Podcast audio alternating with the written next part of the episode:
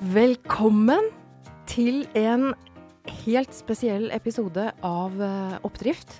Jeg sitter her med en brennende sjel. Han er lege.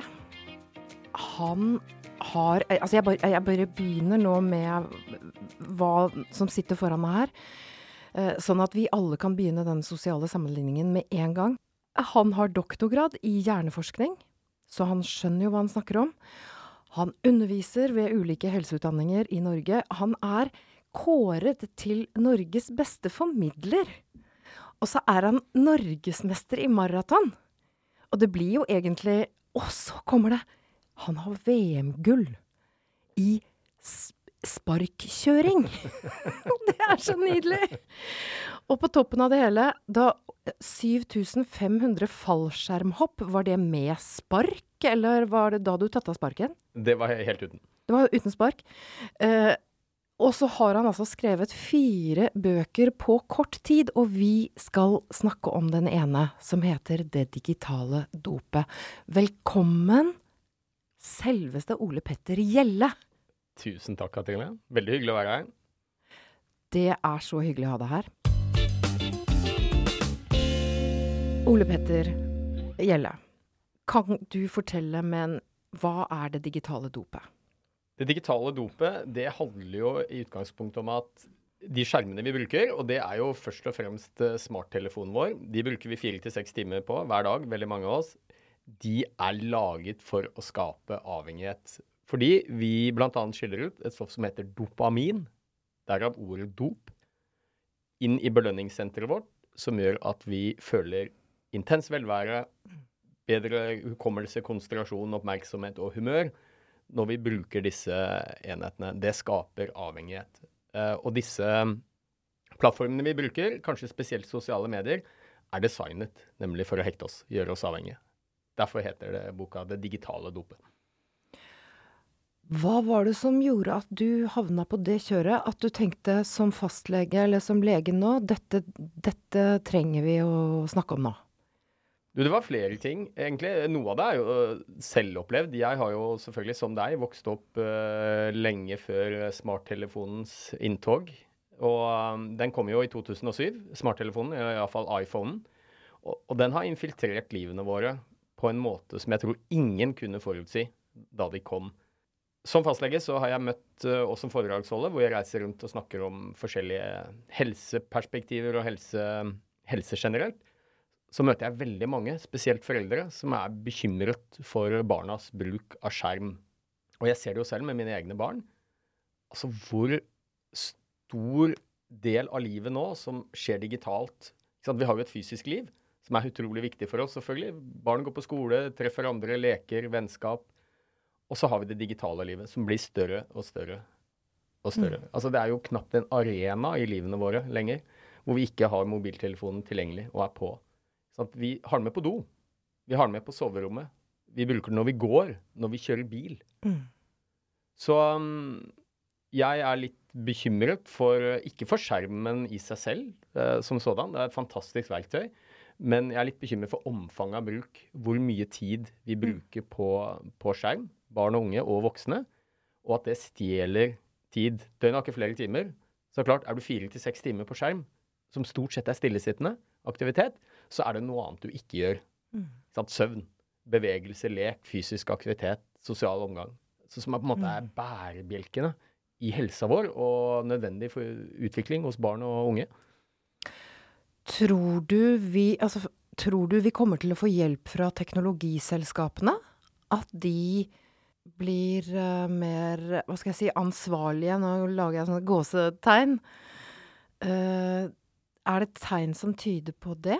Ja, Det er noen tegn som tyder på det. Vi ser jo at veldig mange av disse framtredende personene som har vært med på å utvikle disse plattformene, f.eks. Instagram, f.eks. Facebook, hopper litt av og, og, sier at vet du hva, vi angrer på Altså, vi visste ikke helt hva vi gjorde. Mm. Vi, vi, ser nå at denne teknologien har brakt med seg en del uheldige konsekvenser, rett og slett fordi den er så avhengighetsskapende jeg tror det avhenger litt av oss som forbrukere. og Jeg pleier å sammenligne det litt med f.eks. fastfood-gigantene. McDonald's, mm. som i utgangspunktet selger usunn mat. Som vi også blir litt avhengig av Eh, men vi ser jo at de, når vi som forbrukere stiller krav sant? Vi ønsker sunnere mat. Mm. Så kommer det mer og mer på banen. Så, så jeg tror vi må stå sammen og stille krav, eh, også myndighetene, overfor disse teknologigigantene. Og det er jo noen små endringer som har gjort bare bitte liten ting. F.eks. på Instagram så har de nå kjørt en periode hvor de har sett hvor du ikke kan se hvor mange som har likt innlegget ditt, f.eks., så du ikke skal måle deg med andre.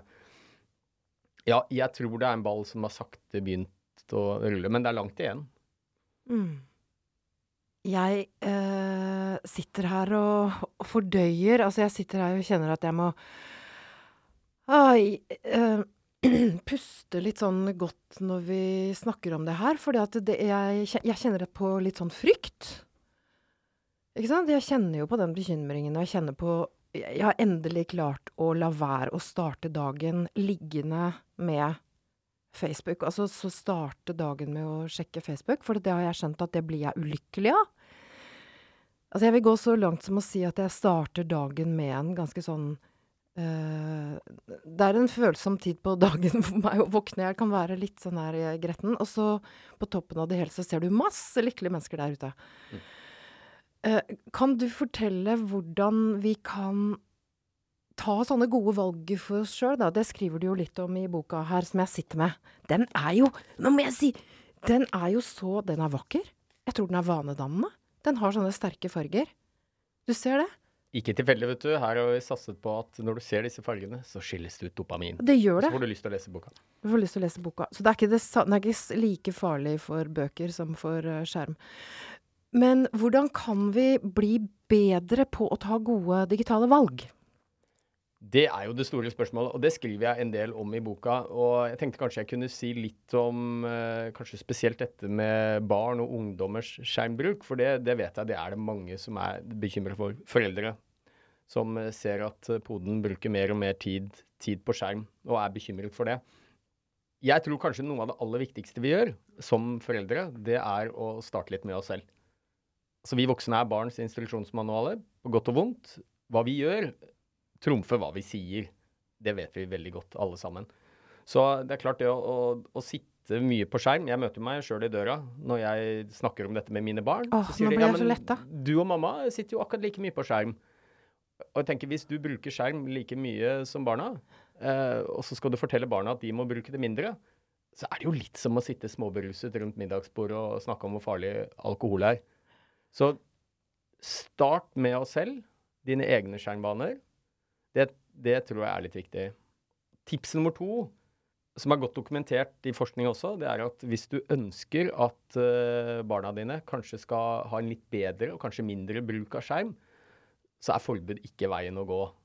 Ikke sant? Være veldig, veldig streng. Nei. Kommer litt tilbake til det. Restriksjoner har sin plass, altså, men noe av det aller viktigste vi som foreldre gjør, det er å vise engasjement og litt interesse for hva faktisk barna bruker skjermen til. Ja. Hvor mye de bruker det eh, istedenfor at det blir en sånn ensrettet pekefinger, ja. som vi foreldre ofte har en tendens til å gjøre. Vi snakker om skjerm stort sett i negative ordelag. Ja. Men at vi rett og slett uh, interesserer oss for hva de bruker tiden til. Kanskje til og med spiller med dem. Da får vi et innblikk i hva de bruker skjermen til. Det er mye positivt med skjerm også. Og så tror jeg da barna blir mm, Du får større gehør når du skal snakke litt om begrensninger. Det tror jeg er viktig. Og um, Jeg kjenner jeg blir veldig letta av å høre deg fortelle om eh, at du også bruker skjermen uh, mye. Og det er jo noe som heter sånn burdisme. Jeg burde bruke den mindre. Jeg burde gjøre ditt. Jeg burde gjøre datt. Jeg kjenner at den også kan gjøre litt vondt inni i uh, sjela mi. Hvordan kan vi gjøre dette lystbetont? For det, jeg, før vi går dit vi, vi lar den henge litt. Og så før vi går dit, så går vi til hjernen. For jeg er så nysgjerrig på hva det er med den hjernen vår som gjør at vi er så innmari lette å gjøre avhengig. Eller vi er så, vi er så lette å Vi blir så fort avhengig. Eller jeg. Jeg kan si jeg. Ja, det, det er et utrolig godt spørsmål. Fordi vi har inni hjernen vår, i den primitive delen av hjernen vår, så har vi noe som heter belønningssenter. Kan du fortelle hvor den ligger, den primitive delen? Ja, den ligger eh, ganske midt inne i hjernen og litt mot ryggen og bak i Ja. nakken. Ja. og det er flere områder. Som jeg sier belønningssenter, så er det flere deler av hjernen som er viktig for belønning. Men det er spesielt et senter, hold deg fast, som heter nucleus accumbens. Vakkert. Og Høres det gresk ut? Det høres nydelig Ja, og det er det greske ordet for belønningssenter. da. Ja. Det ligger uh, bitte liten kjerne midt inn, inni hjernen. Og poenget med det senteret, det er jo å påvirke oss mennesker til å ta gode valg, Mm. som øker sannsynligheten for at vi lever en dag til. Og vi vet veldig godt f.eks. at hvis du spiser mat som inneholder mye sukker, mye fett, så blir det en dopaminfest oppe i dette belønningssenteret vårt. Da føler vi, det vet vi alle sammen, da Ja. føler vi velvære. Vi har bedre humør, konsentrasjon, oppmerksomhet, hukommelse. Kanskje en time etterpå. Og grunnen til at vi blir belønnet når vi spiser mat med mye sukker og mye fett, det er jo selvfølgelig for at det inneholder mye kalorier. Mm. Og det var nødvendig tidligere, ikke i dag, men for å overleve. Sånn, Når du først ble sulten, så fikk du lyst på den maten som inneholdt flest kalorier. For den holdt deg i live lengst mulig. Så du spiser noe som inneholder mye kalorier. Det øker sannsynligheten i den primitive hjernen for at du skal leve en dag til. Du blir belønnet. Og det forsterker selvfølgelig atferden. Det samme med bevegelse. Da hjernen vår ble utviklet, så var vi helt avhengig av å løpe for å overleve. Fange vår egen mat, flykte fra fiender. Du blir belønnet når du er i aktivitet. Da skiller du også ut dopamin. Mm. Eh, Du blir belønnet når du er sex. Det er viktig for å videreføre arten. Du blir belønnet når du har sosialt samvær med folk du liker. Det er trygghet å være i flokk. Det øker sannsynligheten for å overleve. Ikke være aleine, men være sammen med andre. Men jeg blir belønnet, kan jeg bare komme med en sånn Jeg blir belønnet når jeg sitter helt stille i sofaen min og spiser ostepop. Altså, da belønnes jeg på alle mulige måter. Ja, ikke så rart det. Du er helt normal, du. Ja, jeg er helt Det er det jeg ønsker så vidt at Vi er jo helt Altså, det er den, den hjernen du beskriver, den er jo helt ubrukelig. Altså, hvorfor kan vi ikke oppgradere den til en litt mer sånn moderne Som ikke belønner oss for å ikke bruke kalorier og sitte helt stille? Ja, det er jo et veldig godt poeng. Jeg tror svaret er veldig enkelt. Eh, altså Evolusjonens viktigste oppgave det er jo å tilpasse oss mennesker, inkludert hjernen, til det samfunnet vi til enhver tid lever i. Det skulle man tro. Ja, men det er jo evolusjonens viktigste oppgave. Og det skjer, men det skjer utrolig langsomt. Ja! Vi bruker 10 000 år, kanskje 100 000 år på å endre hjernen. Og så har vi mennesker på et mirakuløst vis, sier det i litt negativt fortegn, klart å endre samfunnet mye kjappere enn det evolusjonen klarer å holde tritt med. Altså, Du skal ikke veldig langt tilbake i tid før det var helt utenkelig å være inaktiv, f.eks. Alle måtte bevege seg i hverdagen. I For å holde oss i live. Mm. Vi har alle mulige duppeditter, inkludert elsparkesykkelen, oh, som vi snakket om før i dag. Elsker den. Eh, vi har fri tilgang på mat. Det er ikke mange tiår siden overvekt ble et større problem enn sult på verdensbasis. Så ja, hjernen endrer seg, men det skjer langsomt. Og så har vi klart å endre samfunnet så raskt at hjernen har ikke klart å holde tritt. Derfor åh. oppleves den som litt ubrukelig Takk. i dag. Nå kjenner jeg Nå blir jeg litt mer sånn letta. Og jeg er jo Altså, jeg er så spent på hvordan dette her lander hos deg. Vi sitter jo her sammen. Jeg ser deg for meg når du hører på om du er ute og går. Kanskje du er ute og går. Kanskje sitter du i bilen eller ligger på sofaen med et pledd og ostepop, sånn som jeg pleier å gjøre. Men jeg er veldig spent på hvordan dette her lander i deg. Jeg, jeg sitter her og holder meg på altså, holder meg litt sånn på brystet, fordi at det er spennende saker, dette her.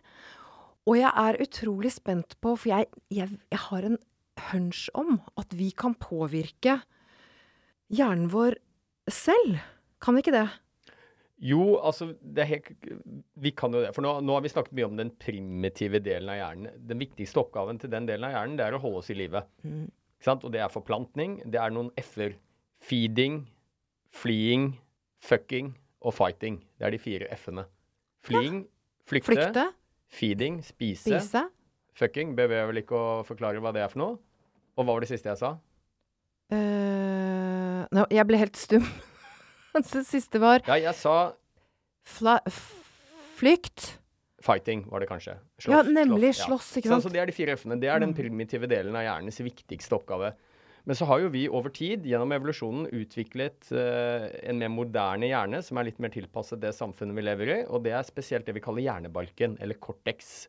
det er den nyeste delen av hjernen. Den er noen hundre tusen år gammel, så den er jo ikke helt ny. Men sammenlignet med de mer primitive delene, som er flere millioner år gamle, så er det ny. Og det er jo den delen av hjernen, spesielt den som sitter rett bak panna vår. Frontallappen heter den.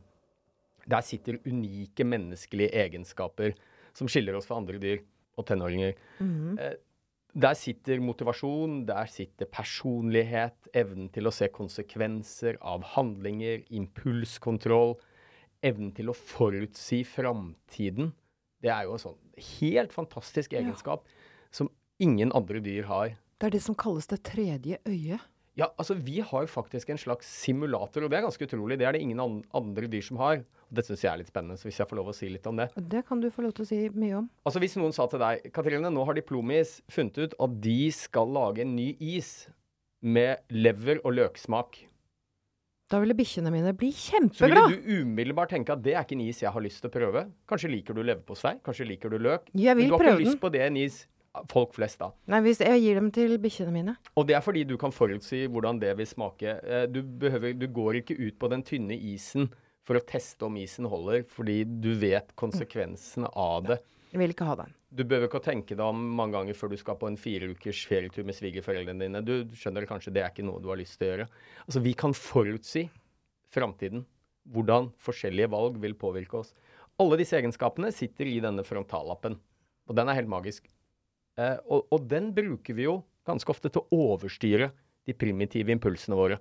Som er da feeding, fucking, flying, eh, fighting og ja. For hvis vi skal holde på med det hele tiden, så blir vi, får vi et ganske slitsomt liv. Ja, altså vi kan jo motstå impulser til å spise noe usunt. Vi kan motstå impulser til å ha sex. Vi kan motstå impulser på det aller meste. Men, og, og, og det styres hovedsakelig av denne smarte delen av hjernen, som for øvrig blir helt lammet når vi drikker alkohol. Som er forklaringen på hvorfor folk blir hevet av flyet når de skal til Gran Canaria.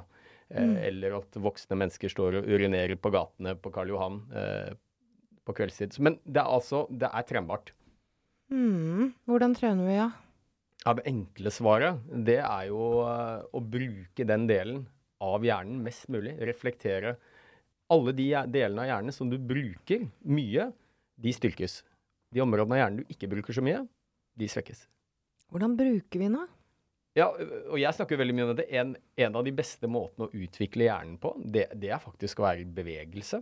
Da vet vi at da øker blodsirkulasjonen, kommunikasjonen mellom alle områder i hjernen, også i frontallappen. Diskusjoner, sosialt samvær, refleksjon. Det er mye vi kan gjøre. Det er mye vi kan gjøre.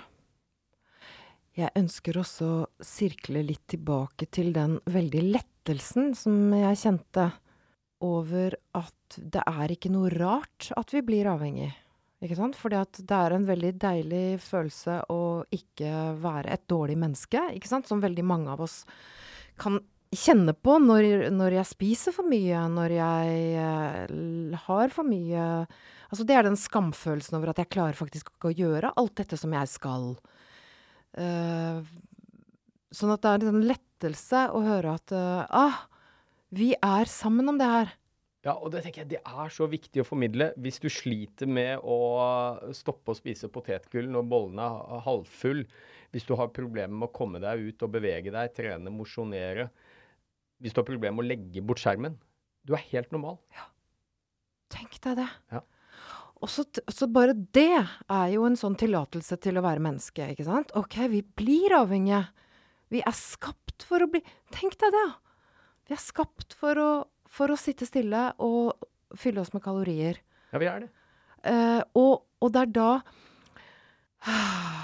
Det er da jeg ønsker meg enda flere fra deg, kloke, velutdannede mann. Kan ikke du fortelle litt mer om hva vi skal gjøre for noe? Ja, tenker du nå på, på Det digitale dopet, ja.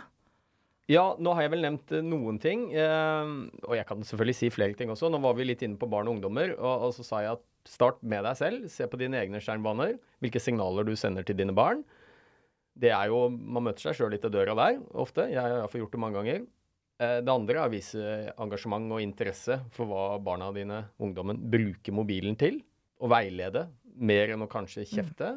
Og så er det dette med restriksjoner som jeg tror ikke vi kommer utenom, iallfall når, ikke når det gjelder unge mennesker. Og det handler mye om den der smarte delen av hjernen som vi kaller frontallappen. Den modnes veldig seint. den er faktisk ikke ferdig modnet hos oss mennesker før vi er nærmere 25 år gamle. Uh, og, og, blant annet i den frontallappen så sitter den menneskelige egenskapen å se konsekvenser av de handlingene vi gjør. Uh, og der vet vi jo at uh, ungdommer er mer risikosøkende. De har ikke samme evne som oss voksne til impulskontroll, evnen til å se langsiktige konsekvenser av de tingene man gjør. Så hva? derfor mener jeg at det er selvfølgelig mm. på sin plass med noen restriksjoner. Men hva med oss? For jeg er jo ikke Jeg er tante. Ikke sant? Jeg har ikke barn å passe på. Jeg har, jeg har, masse barn å passe på. Men det jeg må passe på, er ikke at barna skal bruke mindre skjerm. Det er at deres foreldre skal bruke mindre skjerm. Jeg er ikke så veldig Jeg er mye mer bekymra for oss som er voksne. Ja. Altså egentlig, for det er jo vi som modellerer bruken. Så det er jo oss det egentlig handler om. Så hvordan kan vi uh, få lyst til å gjøre dette her annerledes, da? Vi voksne? Ja. ja og, og vi... Nå er jeg tante. Ja, jeg ja, passer på alle de barna som ikke får kontakt med foreldrene sine fordi vi sitter Og, og hundeeierne! Jeg er jo hundeeier. Har ikke barn, har to hunder. Uh, og det må passe på at de ikke bruker så mye skjerm. Som, mm. Nei da. Jeg må passe på at jeg ikke bruker så mye skjerm, for de blir lei. De blir skikkelig kjipe de når jeg sitter altfor mye på skjerm. Ja. Det, er, det, er, et veldig vanskelig spørsmål. Jeg jeg, jeg, har jo noen tips allikevel. Og det, det, jeg tror for oss voksne så handler det kanskje først og fremst å erkjenne og reflektere litt over hvor mye vi faktisk bruker skjerm. Uh, det høres kanskje helt banalt ut, men det er mange som ikke har noen idé og som blir veldig overrasket når de ser på den appen på telefonen, den har vi jo alle sammen, som viser skjermtid. Så bruker de skjerm mye mer enn det de tror.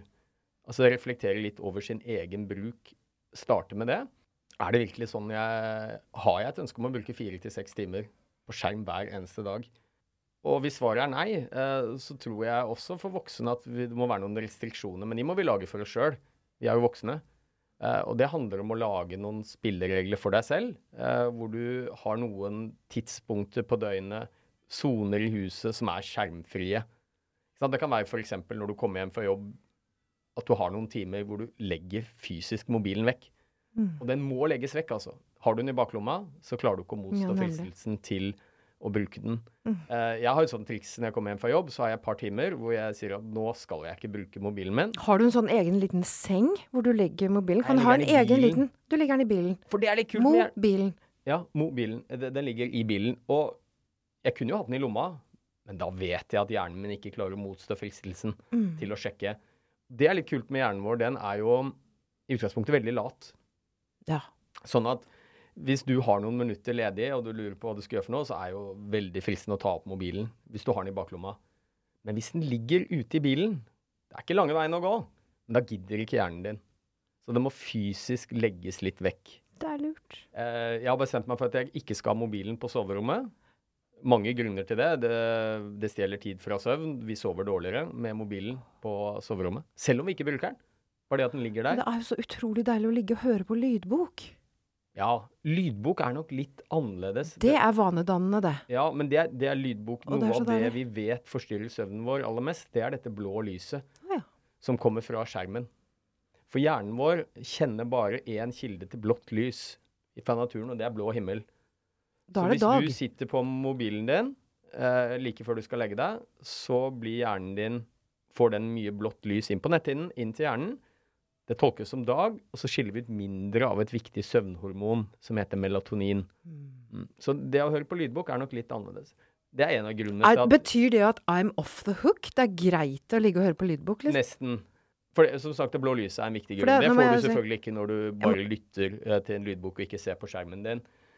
Men vi vet også at veldig mye av det vi bruker mobilen til, Eh, i senga eller før vi skal legge oss, det øker aktivitetsnivået i hjernen. Vi blir stimulert på et eller annet vis. Ja. Det kan være ting du ser på på TikTok eller YouTube eller på Facebook. Det kan være en lydbok også. Eh, og når du får økt aktivitet i hjernen, så er det søvnens fiende. Mm. Når vi skal sove, så vi ha minst mulig aktivitet. Mm. Så en av de tingene jeg har gjort, uh, som jeg har fått litt tips om, det er at Veldig mange tar med seg mobilen inn på soverommet fordi det er vekkerklokke. Ja. Barna mine sier det, men jeg, har, det jeg må ha mobilen. Jeg skal ja. våkne i morgen tidlig. Altså, kjøp deg en vanlig vekkerklokke. Hvis du har mobilen på soverommet, primært fordi Og du nå skal ser våkne jeg om for morgenen. meg en sånn rund vekkerklokke med sånne ører som sier brrrr. Ja, ja, ja. Det funker. Og så Mm. legg mobilen i et annet rom. Da vil veldig mange oppleve bedre søvnkvalitet.